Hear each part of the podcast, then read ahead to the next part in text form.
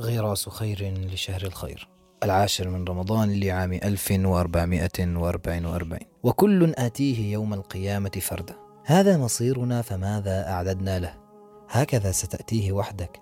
لا المال الذي جمعت ولا البيت الذي شيدت ولا المنصب الذي إليه سعيت ولا الأولاد الذين أنجبت ولا الأصدقاء الذين أحببت.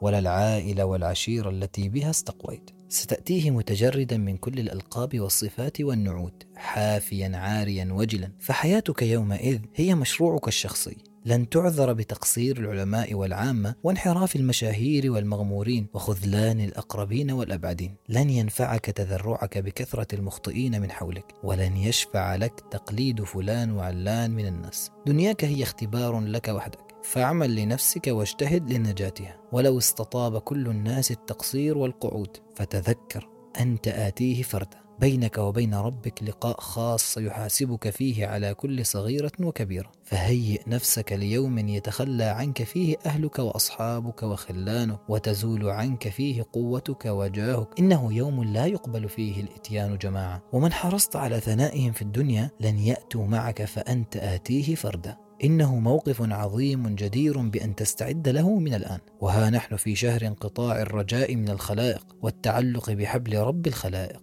اخلو بنفسك ولو يسيرا. اعرض نفسك على كلام الله.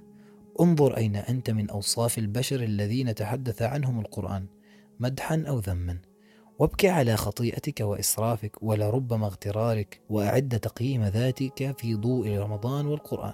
وأحسن وقوفك بين يديه في صلاتك. ليهن عليك وقوفك بين يديه في حسابه لك. علم نفسك أن تستوحش بما لا يدوم معك وأن تستأنس بمن لا يفارقك. وتذكر اليوم الذي ستأتي فيه ربك فردا.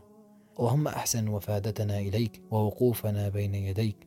ولا تخزنا يوم العرض عليك وعاملنا بالإحسان إذ الفضل منك وإليك وحدك لا شريك لك.